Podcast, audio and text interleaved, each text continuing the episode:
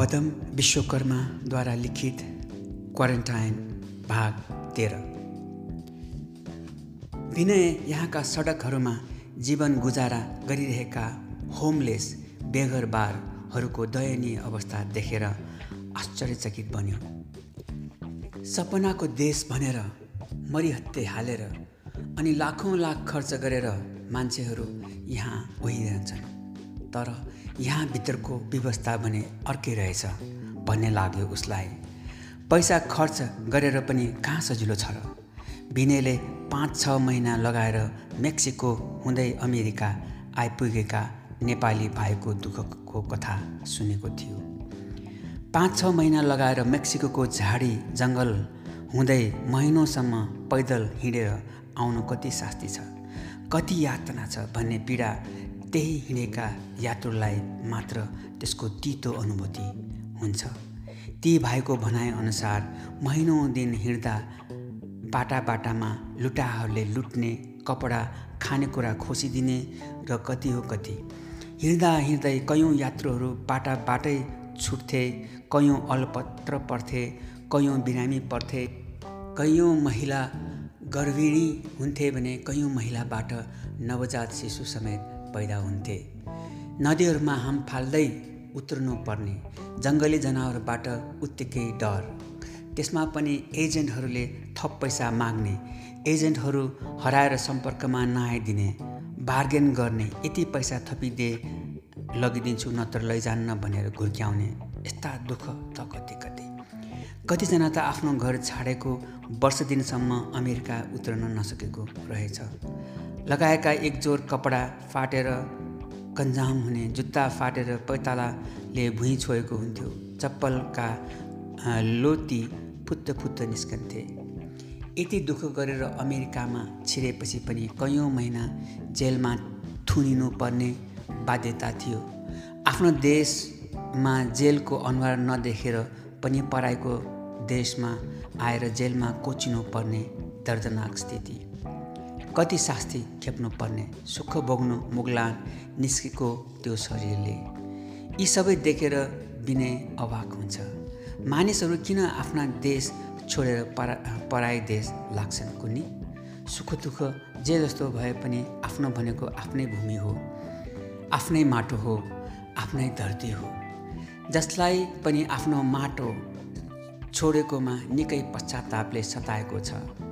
उसलाई लाग्छ यो ठाउँ छाडेर आजै फर्कौँ। संसारको सम्पन्न विकसित र मानव अधिकारको वकालत गर्ने मुलुकमा पनि विनयले सडकभरि होमलेसहरू देख्नु पर्यो। उनीहरूको दुःख पीडा देखेर विनय भित्रैबाट विक्षिप्त बन्न पुग्यो। हिउँले कठ्याङ्ग्रिने जाडोमा बिचराहरू न्यानो ओत छैन लगाउने न्यानो कपडा छैन। कैयन दिनदेखि खान नपाएर कलेटी परेका ओठ लुगलुग काँपेको अनुहार खाली खुट्टा महिनौँ दिनदेखि नुहाउन नपाइकन डुङडुङ गनाएको शरीर देखेर बिने पग्लियो। उसलाई लाग्यो यो सामान्य समस्या पनि समाधान गर्न नसक्ने सरकार तर विश्व हाँक्ने फुर्ती गर्छ। उसलाई लाग्यो आफ्नो देशका असहायहरूको हेरचाह गर्न सक्नु छैन। अरू मुलुकमा सहयोगको हातहरू फैलाउन पुग्छ विडम्बना। यहाँका सडकमा वर्षौँदेखि जीवन गुजारा गरिरहेका लाखौँ होमलेसहरूको दुःख दर्द मात्रै नभएर उनीहरूभित्र थुप्रै समस्याहरू पनि विनयले देख्दै आएको थियो। उनीहरू बलात्कार चोरी हातपात लागु औषधिको किनबेच र प्रयोग गर्भधारण वेश्यावृत्ति अनेक खालका रोग सामाजिक अपहेलना प्रहरी प्रशासनको घृणा र दुर्व्यवहार भोक भोकै कैयन दिनसम्म सडकमा सुतिरहेका होमलेसहरू उसका आँखाले देख्नु पर्यो। बिचरा अमेरिकी होमलेसहरू सडकमा खान्छन् सडकमै सुत्छन् सडकमै बिताउँछन् जीवनका क्षणहरू। उनीहरूको अधिकांश समय सडकसँगै बितिरहेको हुन्छ। सडकलाई आफ्नो घर ठान्ने उनीहरूको आँगन पनि त्यही सडक नै हो। उनीहरूका लागि खेल मैदान पनि सडक। सडक छेउमा रेस्टुरेन्ट उनीहरूको बाँच्ने आधार छन्। पसलहरू उनीहरूका आधारशिला छन्। राज्य सरकारले जब रेस्टुरेन्ट बन्द गर्ने र ड्राइभ थ्रु वा टेक आउटका उपाय मात्र लागू गर्यो होमलेसहरू प्रत्यक्ष रूपमा मारमा परे। उनीहरूलाई रेस्टुरेन्टभित्र छिर्न रोक लगाइयो जसले गर्दा दैनिक जीवनमै ठुलो असर पर्न गयो। सरकारले मलहरू बन्द गर्ने निर्णय गर्यो। उनीहरू मलको छेउ वा बाटोमा बसेर ग्राहकसँग पैसा माग्ने गर्थे। त्यही पैसाले चुरुट बियर खानेकुरा सामान्य औषधि किन्थे।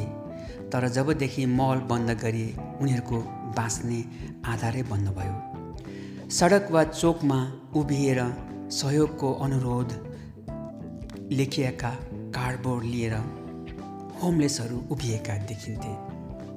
कोरोनाका कारण सरकारले बाहिर ननिस्कने र घरमै बसेर काम गर्ने आदेश दिएपछि बाटाखाटा खाली छन् एकाध बाहेक खासै गाडीहरू नगुडेपछि उनीहरूको आय स्रोत सुक्यो। यस्तो सुनसान स्थिति उनीहरूका लागि कोरोनाभन्दा ठुलो महामारी बनेर देखा पर्यो। ग्रोसरी पसल खुल्ने र बन्द हुने समय परिवर्तन हुन थाले। होमलेसहरू आफ्नो खाना तताउन शौचालय वा पानी प्रयोग गर्न ती पसलमा पुग्थे तर पसलको काम गर्ने समय घटाइएपछि चाहिएको समयमा शौचालय प्रयोग गर्न पाइएन। आफूसँग भएका खाना पनि भोक लागेको बेला तताएर खान पनि पाएनन् पिउने पानी पनि पाउने स्थिति भएन। भाइरस सङ्क्रमण नियन्त्रण गर्न बस ट्रेन लाइट रेल जस्ता सबै सार्व सार्वजनिक साधन बन्द गर्ने घोषणाले उनीहरूलाई गर्नुसम्म असर गर्यो यताउता घुमभिर गर्ने कठिनाइ उत्पन्न भयो किनकि उनीहरूसँग निजी साधन प्रयोग गर्ने हैसियत थिएन। सरकारले park recreation centre homeless centre पनि बन्द गर्यो।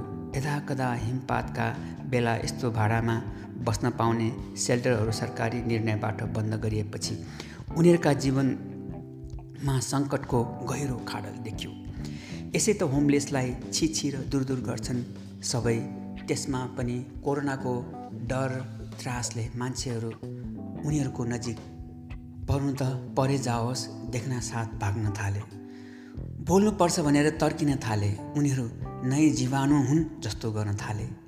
कोरोनाले होमलेसहरूको बाँच्ने जीविकोपार्जनमा नराम्रो प्रभाव पार्यो। कोरोनाका कारण उनीहरूले पाउनु परेका महाकष्टप्रति विनयको मनमुटु पग्लियो। विकसित देशमा त यस्तो छ भने हाम्रो देशमा सडक बालबालिकाहरूको के हालत होला यति बेला। उनीहरूको गुजारा कसरी चलिरहेको होला विनयको ध्यान फेरि एकपटक आफ्नै देशतिर पुग्यो।